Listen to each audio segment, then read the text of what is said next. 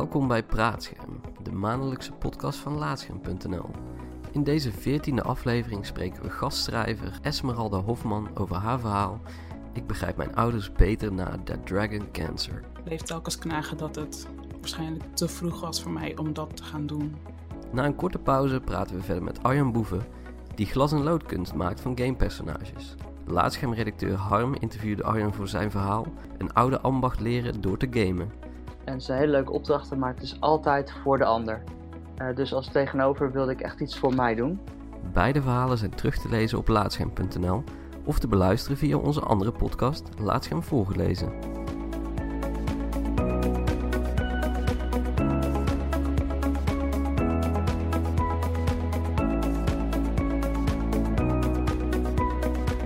Zoals ehm, gewoonlijk eerst eh, welkom Erik. Ja, hallo, leuk er weer te zijn. En ik wil ook graag onze eerste gast verwelkomen, Esmeralda Hofman. Hi. Welkom. Thanks. Hey. Ehm, jij hebt een artikel voor ons geschreven dat eh, afgelopen donderdag online is verschenen. Eh, maar voordat we het daarover gaan hebben, wou ik eerst even vragen of je jezelf eh, voor wilt stellen. Een beetje over wie je bent en wat je doet. Hi, ik ben dus Esmeralda. Ik ben net afgestudeerd Media en Entertainment Management. Hoorde ik toevallig vandaag. Dus Oh, Nou. ja, gefeliciteerd. dank je. Wat een goed nieuws. Mhm.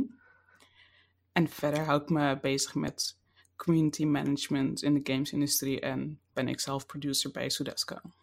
Jij hebt dus voor ons een gastverhaal geschreven. Eh, en dat gaat over eh, de game Dead Dragon Cancer. Mhm. Ehm, en daar heb jij een nogal persoonlijk verhaal bij. Dus ik eh, ga dat ook niet voor jou samenvatten, zoals ik dat wel eens eerder gedaan heb in deze podcast. Ik wil eigenlijk vragen of je zelf een beetje over kunt vertellen wat je in dat verhaal hebt geschreven.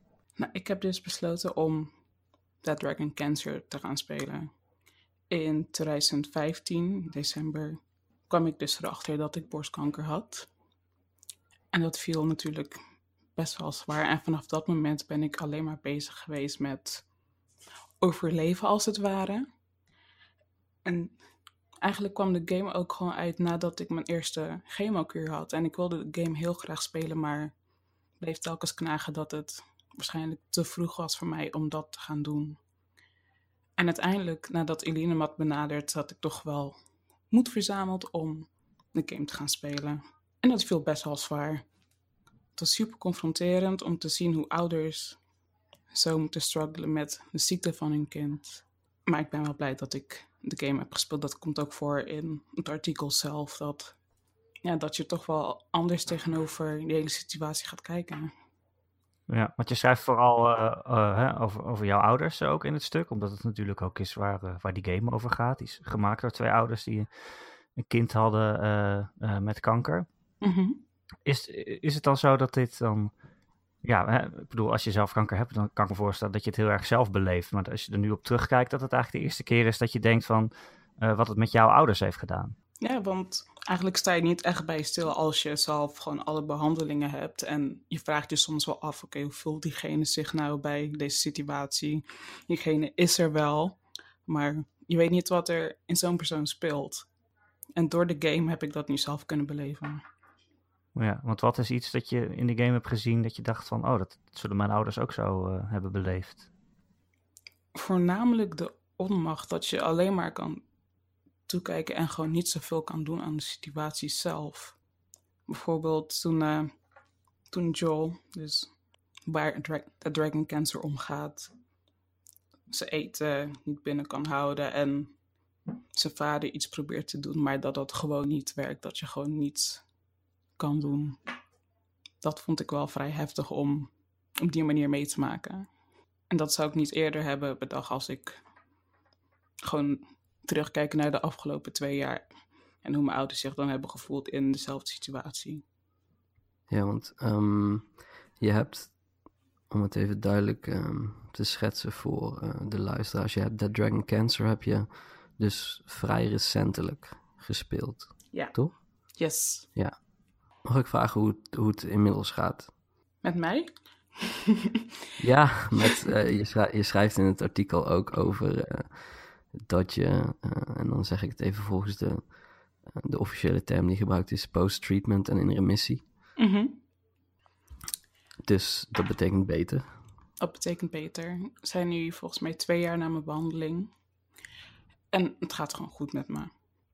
En pas over drie jaar dan word ik dan officieel genezen verklaard als alles goed gaat. Ja, je hebt de game nu pas gespeeld. Is het, heb je ook het idee dat je het nu eigenlijk pas eh, twee jaar later ook het eerste moment is waarop je hem had kunnen spelen? Omdat het daarvoor eh, mogelijk nog gewoon ja, eh, te zwaar was geweest of, of iets dergelijks? Ja, maar eigenlijk, je kan nooit echt goed op voorbereid zijn voor hoe de game nou eenmaal is. En ik dacht telkens dat ik er niet klaar voor was, maar toen Elina me vroeg of ik iets wilde vertellen, toen vond ik wel van oké, ik moet het nu gewoon doen. Het knaagt al zo lang aan me. Dus zodoende. Ja, nou ja, eh, heel erg bedankt sowieso dat je dat voor ons hebt eh, willen doen. En ook eh, fijn dat, het je, dat je het toch wel goed heeft gedaan in ieder geval. Mhm. Heb je het er ook eh, na het spelen van die game eh, met je ouders nog over gehad? Ja, toevallig had ik het er vandaag nog over met ze. Nadat ik had gehoord over dat ik was geslagen, ben ik even langs geweest. En toen heb ik het gewoon gehad over de game en hoe ik dat heb meegemaakt. En dat ik ze nu gewoon beter begrijp, als het ware. Ja, wat, wat, vond zij, wat vonden zij ervan? Ze vroeg zich eerst af waarom ik zo'n heftige game ga spelen. Maar dat ze me toch wel dankbaar zijn op de een of andere manier dat ik de tijd heb genomen om me toch daarin te gaan verdiepen. Vind ik wel bijzonder. Ja, ja het is voor, voor ouders natuurlijk een heel andere belevingswereld. Maar misschien is het ook iets voor, voor hen om te spelen dan, die game. Het is ook niet echt een game-game eh, waarvoor je echt een gamer moet zijn om het te kunnen spelen, zeg maar. Mhm. Denk je dat zij dat eh, zouden willen? Ik denk het eerlijk gezegd niet, nee. Ik denk Nee? het niet, nee. Aan de ene kant zijn geen gamers. Mijn, mijn vader wel een beetje, maar mijn moeder totaal niet. En dan nog zo'n game. Denk ik wel dat er wel veel weer naar boven komt, zeg maar. Ja, te heftig eigenlijk. Ja. Nee, dat snap ik wel. Hebben ze ehm, eh, het verhaal dat je voor ons hebt geschreven, eh, tenminste deze podcast wordt gepubliceerd als het verhaal al, al online staat, maar we nemen dit nu eerder op. Dus hebben ze het nu, eh, heb je ze het nu al laten lezen? Of dat nog niet? Dat nog niet. Ik ga ze gewoon de link doorsturen en dan wacht ik gewoon af.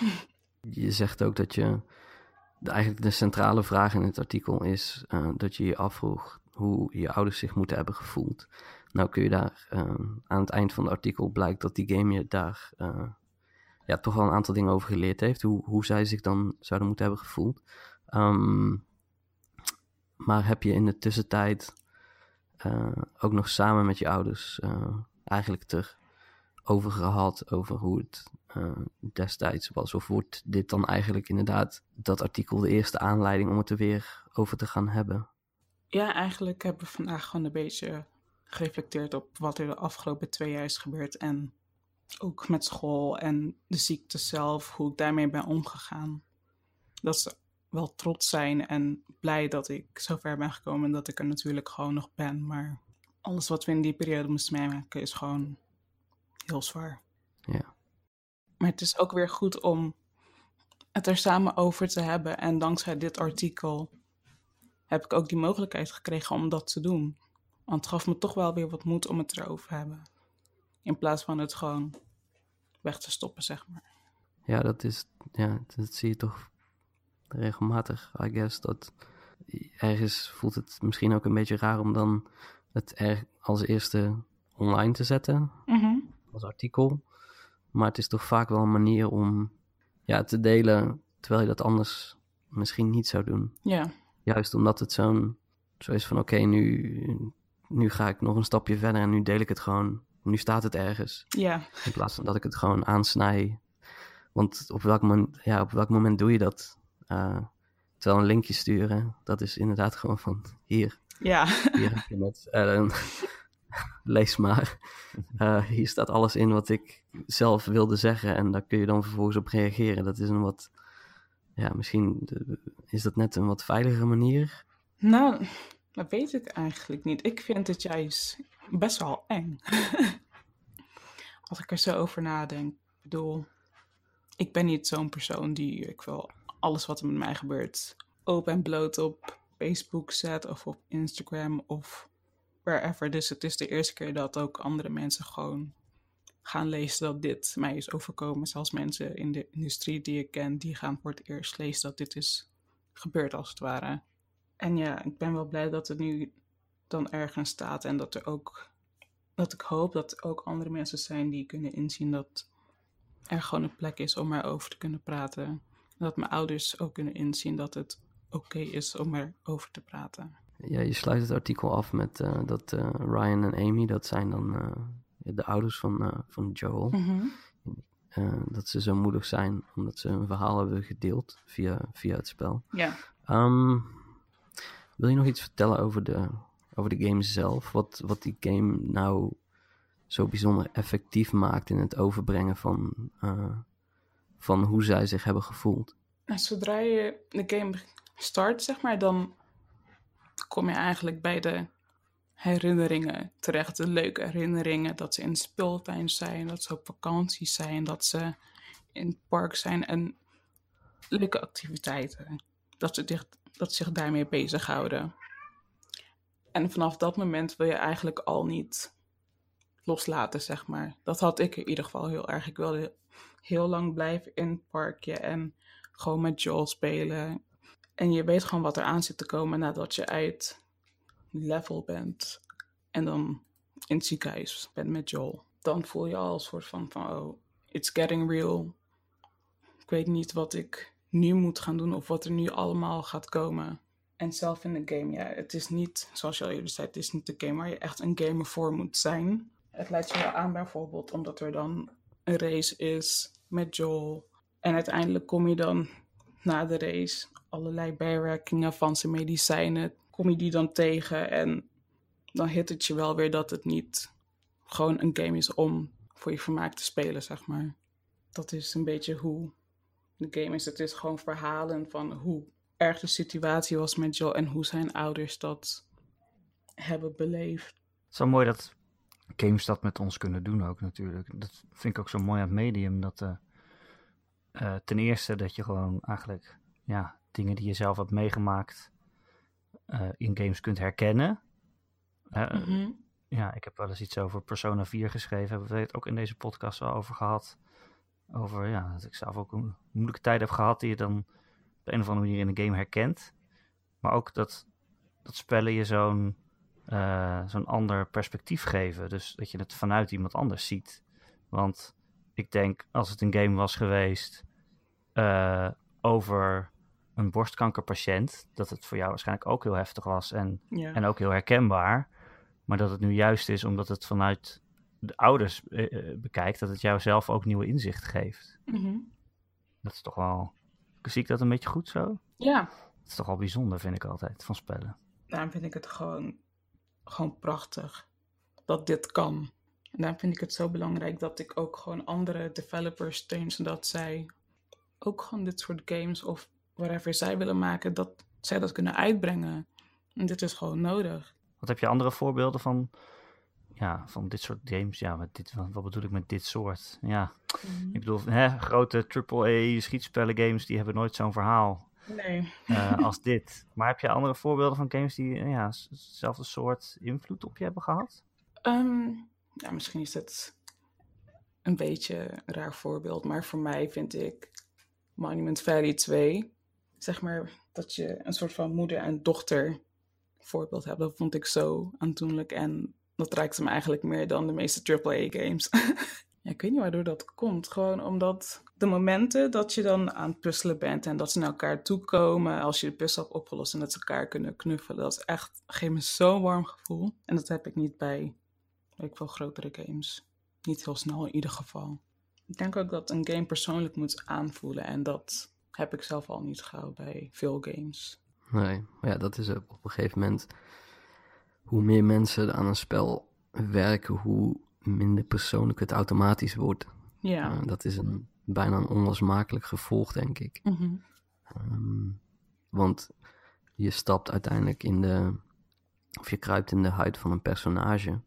En als dat iets, als dat een personage is dat bedacht is door één iemand of een, een paar mensen die echt een heel duidelijk verhaal willen vertellen, dan, ja, dan is die band, denk ik, met het personage ook des te hechter. Mm -hmm. Zeker. En dan maak je het ook veel heftiger mee. Ja, veel grotere games hebben natuurlijk ook personages die, wat, die zijn wat uh, meer maakbaar. Omdat ze, ja, het is een grote wereld. Je moet, ja, ze zijn meer een blank slate eigenlijk. Mm -hmm. uh, want anders zouden ze niet passen in, in de, ja, de manier waarop je eigenlijk die games doorloopt. Uh, dat, dat zou een beetje mismatchen met als het een extreem persoonlijk verhaal is dat verteld wordt. Ja. Maar wat, wat me wel opviel, en ik, ik, um, ik zag een segment uit uh, The Dragon Cancer. En dat was volgens mij in de, het kantoor van, van uh, de dokter. En daar kan je ook, volgens mij, als ik het goed heb, letterlijk van perspectief wisselen. Ja. En dat vond ik ook een, een, een bijzonder moment. Omdat je dan kun je bijvoorbeeld wisselen naar de, naar de vader, uh, maar ook naar de... Naar de dokter zelf. Ja, en dan, dan krijg je de gedachten van die mensen te horen. En dat zijn inderdaad heel andere perspectieven die, die bijna lijnrecht tegenover, tegenover elkaar staan. Ja, oh. ik voelde me wel echt naar toen ik zeg maar in perspectief van de dokter was. Toen ze dacht van, oh ik hoop niet dat ze gaan huilen. En toen dacht ik bij mezelf, ja maar dat is toch gewoon iets dat je moet verwachten. Ja, ik werd er een beetje boos om als het ware. Dat iemand dat zo kan denken, maar aan de andere kant diegene moet ook dealen met een patiënt en met de ouders van de patiënt. Dus zo gek is het ook weer niet. Nee, nee maar dat is natuurlijk, met, met een game kun je dat op een manier uh, beleven die je, die je, ja, doorgaans krijg je dan niet echt de kans voor. Tenminste, als iemand het tegen je zegt, dan komt het toch minder binnen dan dat je ja, een personage speelt dat die gedachte heeft. Want dan plaats je je toch in dat personage en dan voelt het nou ja, als een game dat goed doet, dan voelt het wel een beetje alsof jij dat denkt ook. Ja. Uh, en dat helpt, want als je in iemands schoenen staat, en dat, dat is niet voor niks dat dat de uitdrukking is, dat je jezelf in iemands schoenen verplaatst, uh, dat helpt in ieder geval volgens mij meer begrip kweken. Ja, want dat is uiteindelijk wat ik eruit heb kunnen halen nadat ik zeg maar in de schoenen stond van de dokter. Want het is wel grappig, omdat ik er eigenlijk nooit heb bij stilgestaan hoe de dokter zich zal hebben gevoeld. Je verwacht gewoon van diegene moet mij helpen en that's it. Ik ben degene die leidt, maar je weet niet wat er door zo'n persoon heen gaat. En ik heb zelf ook gewoon vaak genoeg gezien in de periode dat ik ziek was, dat er verpleegsters waren die in shock waren als ze zagen dat ik de patiënt was en niet bijvoorbeeld mijn moeder of zo. Als dan zei de mevrouw Hofman en dat ik dan opstond, dat ze dachten van, zo jong, dat kon je gewoon al zien aan mensen. Maar dat moet een hele bijzondere situatie zijn dat je dat echt kan zien. Nogmaals heel erg bedankt dat je je verhaal wilde doen. En, uh, Graag gedaan, dank jullie wel. Ik vind het heel dapper. Ja, zeker. Dank je. Ik ben jullie echt heel erg dankbaar dat ik dit mocht doen.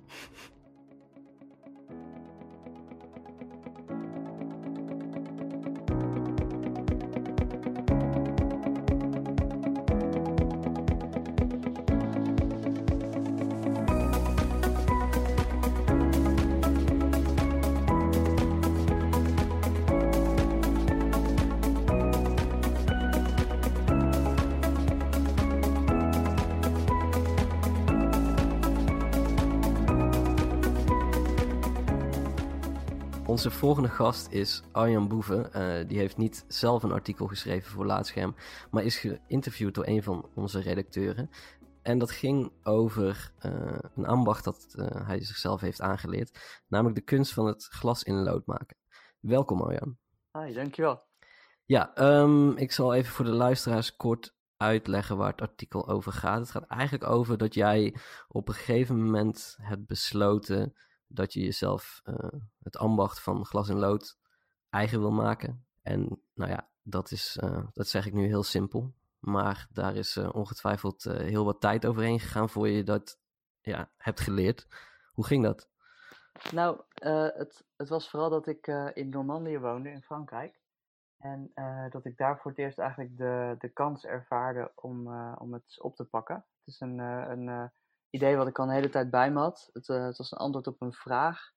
Eh, ehm, en dat kwam eigenlijk op de middelbare school. Was ik al heel druk bezig eh, afbeeldingen te maken, ook ruimtelijk, maar dan van ijzerdraad. En ik snapte nooit hoe ik nou die, die ja, lege ruimtes die de, die de lijnen creëerden, hoe ik die kon vullen. Totdat ik dus een Tiffany-lamp zag bij mijn opa. En in één keer viel het kwartje. En het heeft daarna nog echt een paar jaar geduurd voordat ik financieel, maar ook vooral fysiek de ruimte had om gewoon eens met glas te kunnen gaan klooien. En daar in Normandië zat ik op een oude boerderij, echt verlaten van alle sociale verplichtingen die je maar kan bedenken. Dus ik had en heel veel tijd en ik had in één keer een supergrote schuur. Zeg ik het zo goed dat je daarbij begonnen bent met gamepersonages? Ja. Of niet? Ja, klopt. Ja. ja, want het was heel belangrijk voor mezelf dat het vooral als een hobby eh, zou zijn. Ehm, ik werkte toen als eh, motion graphic designer, eh, veel voor ja, klanten, energiemerken, eh, leasemaatschappijen. En dat zijn hele leuke mensen. En het zijn hele leuke opdrachten, maar het is altijd voor de ander. Eh, dus als tegenover wilde ik echt iets voor mij doen.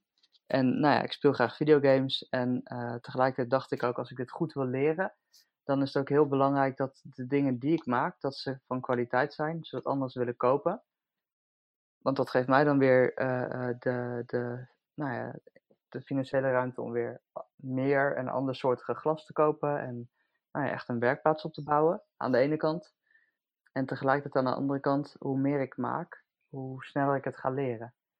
Want ja, als je het allemaal thuis blijft houden, dan, eh, dan denk je op een gegeven moment, nou, het is wel genoeg, zeg maar. Dan zijn de ramen vol, dan ben je verzadigd en dan kijk je terug op je werk en denk je, is fantastisch.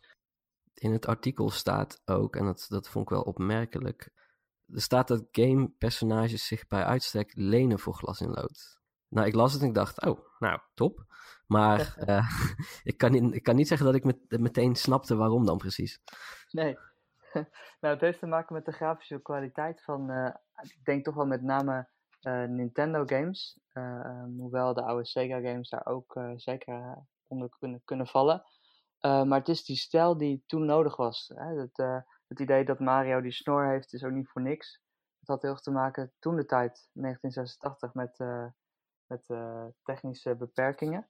Maar dat, dat dwong natuurlijk die developers wel om die karakters en die items een, eh, eh, ja, heel grafisch te maken. Dus niet fotorealistisch, maar een grafische weerspiegeling van een werkelijkheid of schijn, schijnwerkelijkheid. Het grootste voorbeeld in Nederland misschien is Nijntje. Hè? Het is een konijn, maar Dick Bruna heeft zoveel weggehaald dat daar iets heel essentieels overblijft.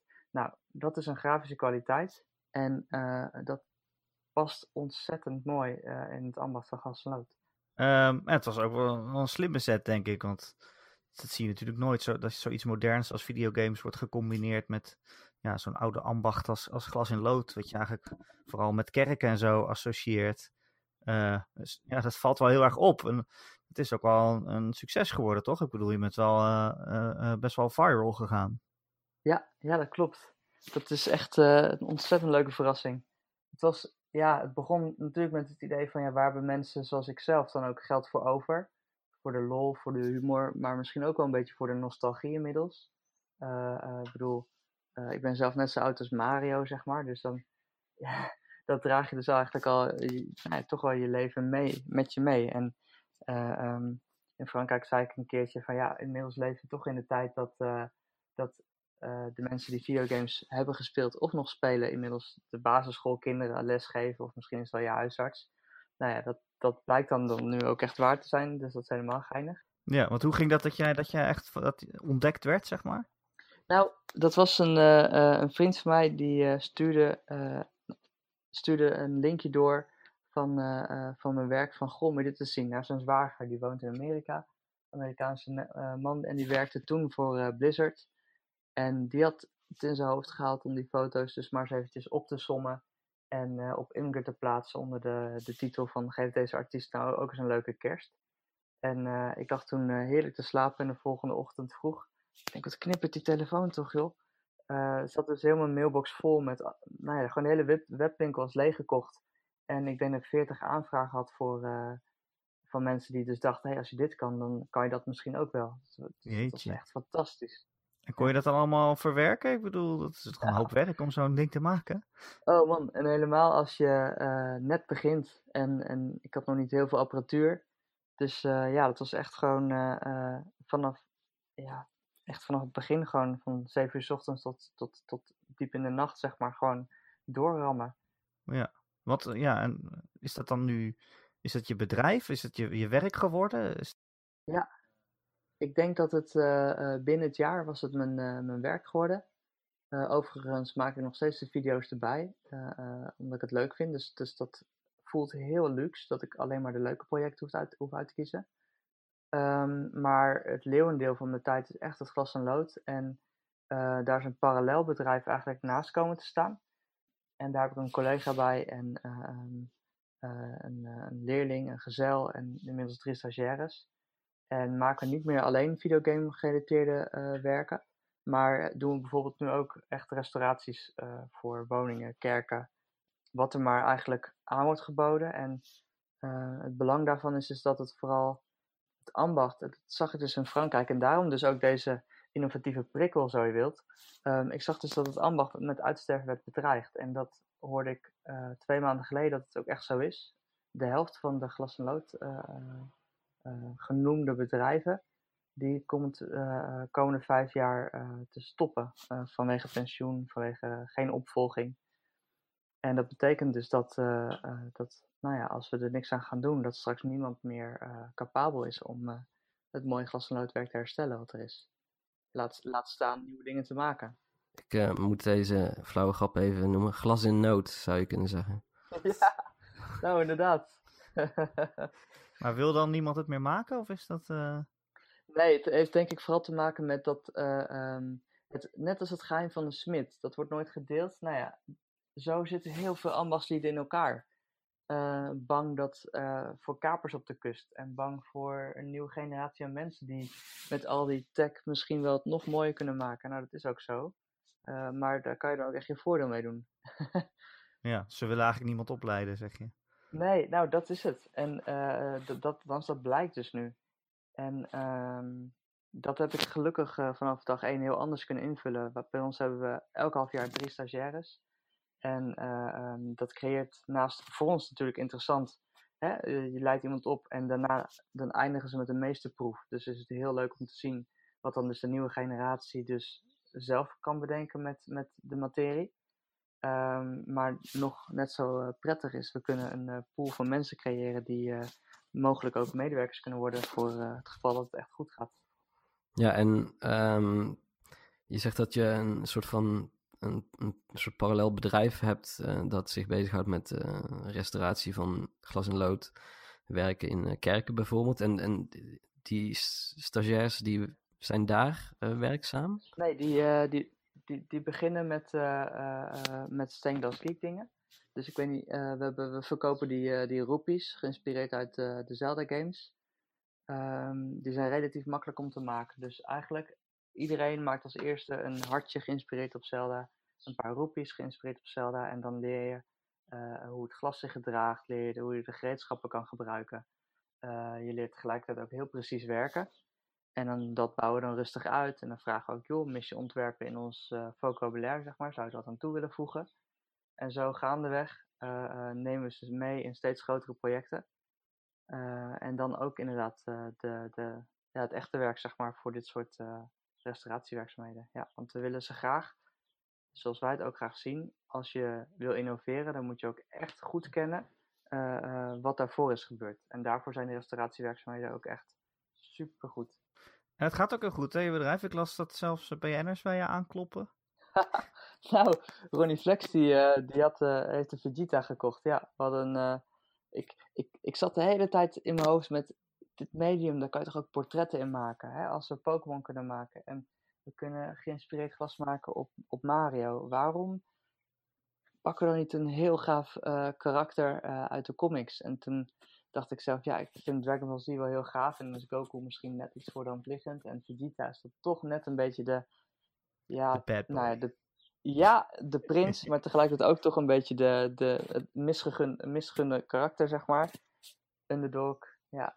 Dus uh, zo gezegd, zo gedaan. En toen zeiden dus de studenten van, joh, maar weet je dat er niet Ronnie Flex is super fan van Dragon Ball Z. En uh, ik zei, oh cool, dat is waar ook. Dat heb ik uh, gehoord in zijn blog en of in zijn, of zijn mooie YouTube video, hè, zo'n toffe film.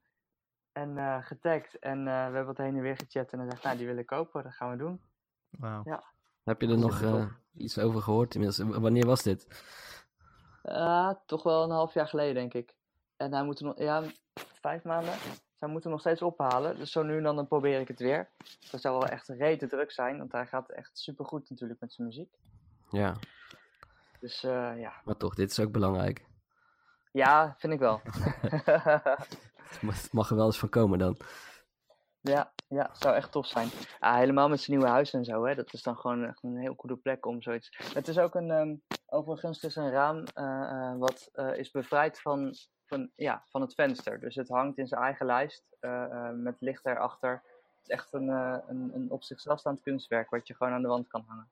Kan je eigenlijk alles uh, glas inloden? Of ik bedoel, kies jij zelf dingen die je leuk vindt? Of ja, je krijgt waarschijnlijk ook verzoekjes binnen. Zitten er dan ook dingen tussen waarvan je denkt, ja, maar dat kan eigenlijk niet? Um, ja, ook. Um, ik weet niet of jullie Final Fantasy kennen. Ja. Een beetje vragen naar de bekende weg. Hè? Ja. Maar um, Final Fantasy is heel verfijnd. Ja. En dat is prachtig. Maar dat is echt een hel om te doen in glas en lood. Dus daar beginnen we niet aan. Nee, is het, uh, is het te gedetailleerd is of zo? Is dat, uh, is ja, dat te gedetailleerd. Ja, en dan zou je alsnog hè, met, met brandschilderen en zou je nog steeds een stilering kunnen toepassen. En toch, vanwege het schilderen op glas, kan je nog steeds heel veel verfijning uh, aanbrengen. Maar wat ik persoonlijk zo leuk vind en waar mijn interesse heel naar gaat, is echt dat grafische. Dus het, de, de, de vereenvoudiging opzoeken, uh, waar Nintendo heel goed, waar Japanners überhaupt heel goed in zijn. In, in de kunst van eenvoud en um, uh, zo min mogelijk. Hè, dat alles wat er dan is, dat dat moet, er moet zijn. Als het er is, maar het hoeft niet, dan is het te veel. Final Fantasy staat uh, wat dat betreft dan weer inderdaad niet bekend om zijn eenvoud. Nee, nee, exact. maar, als ik, maar als ik inderdaad... Um, uh, in het artikel staat ook een afbeelding van uh, dat kunstwerk van Vegeta. En dan zie je wel dat zijn. Kijk, zijn hoofd is natuurlijk al best wel. best wel rechthoekig ergens. In de zin van hij heeft een heel groot voorhoofd, een heel prominent voorhoofd, dat haar, die haarlijnen. Ik kan me ook zo voorstellen dat dat zich eigenlijk perfect leent om, om heel duidelijk, duidelijke stukken glas te pakken en te zeggen: Oké, hiermee kan ik gewoon heel goed zijn zijn, zijn karakteristieke voorhoofd uh, accentueren. Ja, dat valt heel goed uh, dan te pakken, zeg maar. Hetzelfde met Mickey. Uh, als, je, als je kijkt naar welke karakters in een silhouet heel goed werken. Ik bedoel, Kingdom Hearts, dan heb je zo'n zo'n sleutel met zo'n Mickey, twee oortjes eraan. En direct weet je waar het over gaat. overigens hebben die Final Fantasy karakters ook hele bijzondere haar, haardracht. Maar, ja. ja, ja. Maar dat, ja, dat, dat maakt het wel makkelijker, ja. Ja, en uh, aan, het, aan, het, einde van het uh, verhaal komt nog een beetje naar voren dat je het, het liefst zou je uh, ook officiële samenwerkingen aangaan met bijvoorbeeld game-uitgevers. Um, of, of, of, Marvel of iets dergelijks. In hoeverre denk je dat dat ook, ook realistisch is? heb je daar al iets nou, in lopen ja, toevallig of iets dergelijks? Nou, ik ben deze zomer ben ik dat ding over aan het formuleren. En, en de aard van, van, van mij, zeg maar, dus niet per se van het glas en lood, maar van mij is, ik kom natuurlijk uit die reclamehoek hè, als motion graphic designer. En uh, met een vriend van mij, een vriend van mij die klopte vorig jaar aan, die had een, uh, Leo de Wijs is dat, die maakt ontzettend mooie visuals voor, voor animatiefilms en animatieseries. En um, hij zag me zo bezig en het inspireerde hem om zelf ontwerpen te maken alsof ze in glas en lood waren gemaakt. En uiteindelijk hebben we er ook eentje ook echt voor hem in productie genomen. En dat was een raam van uh, Garnet, van een karakter uit Steven Universe, een Cartoon Network uh, uh, serie. En we hebben hem gemaakt en hij heeft een tekst en uitleg erbij gevoegd en het hele proces heeft hij gedeeld op Imgur. Nee, op Tumblr, sorry. En voordat het wisten, ging hij dus viral. Toen stond ik op een beurs in New Orleans. En gedurende dat weekend hebben 3 miljoen mensen hebben dat ding staan bekijken. Cartoon Network begon het zelfs met delen. En als ik dat dan vertaal naar een mediawaarde, 3 miljoen views in een weekend, dat is een astronomisch bedrag. En toen dacht ik, kijk, nu komen die twee werelden samen. Want het eindproduct is mogelijk niet eens dat raam. het eindproduct is die hype, is die beleving en, van liefde en waardering door, van, voor al die fans van hun karakter of serie. En dan denk ik, ja, maar dat is toch de droom als je uh, de coole karakters van Nintendo of van, van uh, Overwatch van Blizzard, of hè, als je die mag ja, ondersteunen eigenlijk uh, in, in, in, in een mediakanon, zeg maar. Ja, dat is super gaaf. Ja, dat is natuurlijk. Um, ik, ik weet dat Ubisoft doet dat bijvoorbeeld in Nederland regelmatig voor Assassin's Creed. Dat ze dan zo'n zo'n uh, mural doen ergens in. Uh, ja, exact. In, in Nederland. Oh, en dat is natuurlijk. Superveel mensen zien dat als een. En het is gewoon op zichzelf, een op zichzelf staand kunstwerk. Maar het is ook nog van. hey, dit is. Dit is Assassin's Creed. En mensen denken: wow, wat gaaf om Assassin's Creed oh, op deze manier te zien. Enorme hype. Enorme hype. En met de E3 dan de aankondiging van Super Smash Bros. Dat is een van mijn favoriete videogames. Dan denk ik, kijk, kom op, laten we nou gewoon eens elke week gewoon uh, zo'n karakter eruit knallen tot aan de launch date. Zeg nou, het zijn, er, het zijn er 64 hè, dus... ja, nou, dan, dan moeten we drie in, drie in een week doen. Maar dan zit iedereen op het puntje van de stoel. Ja. Dat is gewoon zo vet. En hè, dan gaat het op YouTube rondzingen. Uh, ja, dat is gewoon zo cool. En, ik bedoel, een stand, dan zie je, heb je daar die ene hele grote banner, een grote, weet ik veel, LED of meerdere beamers en zie je al die karakters staan. Ja, het is echt heel mooi hoor, maar ik denk als ze in glasgenoten allemaal hangen, dat is echt tien keer mooier. um, heb je nog een, um, een, een, een, kunstwerk in je hoofd zitten waarvan je denkt van oké, dit is echt, dit is mijn, dit is eigenlijk wat ik, wat ik nu misschien nog niet kan maken qua, qua schaal of qua uh, detail of, of, wat dan ook. Maar ik, in de toekomst wil ik dit nog een keer doen. Ik heb een, um, een ontwerp gemaakt van een uh, Metroid. Uh, van Samus met haar in de Zero suit, zeg maar. En in een pose van Diva van, van Overwatch. En als ik die het echt zou maken, dan wordt die net meer dan 2 meter hoog.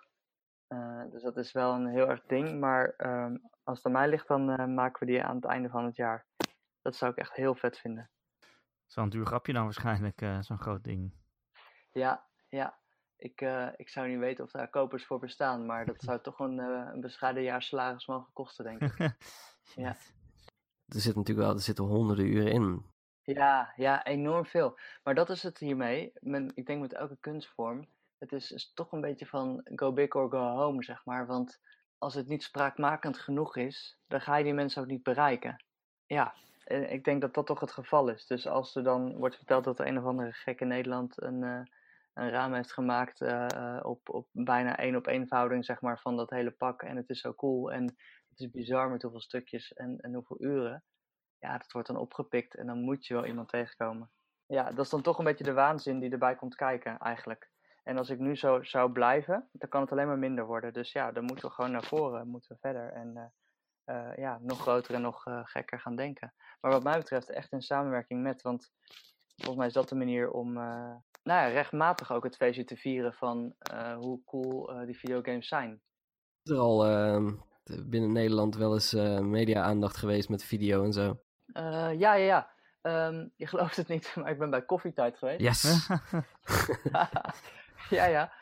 maar dat kwam vanwege een artikel bij RTL Z. Oké. Okay. ah, okay. um, ja, ja, en dat, uh, uh, daarna heeft jullie collega me dus uh, aangesproken en heeft hij daar nog wat over geschreven. Ja, koffietijd, dat is wel go big or go home, dat past er wel bij.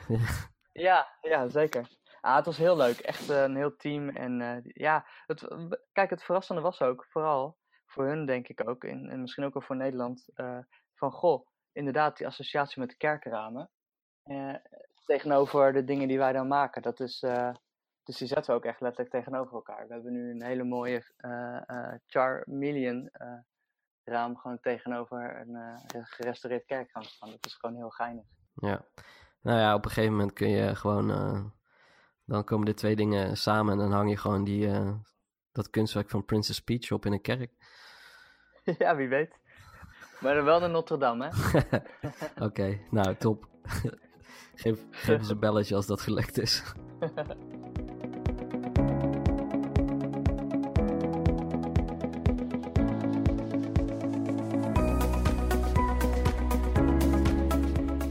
Bedankt voor het luisteren naar Praatscherm.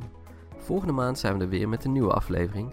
Maar als je meer verhalen wilt horen, kun je je ook abonneren op onze andere podcast, Laatscherm voorgelezen. Daarin leest redacteur Arjan alle verhalen voor die op Laatscherm zijn verschenen. Tot volgende maand.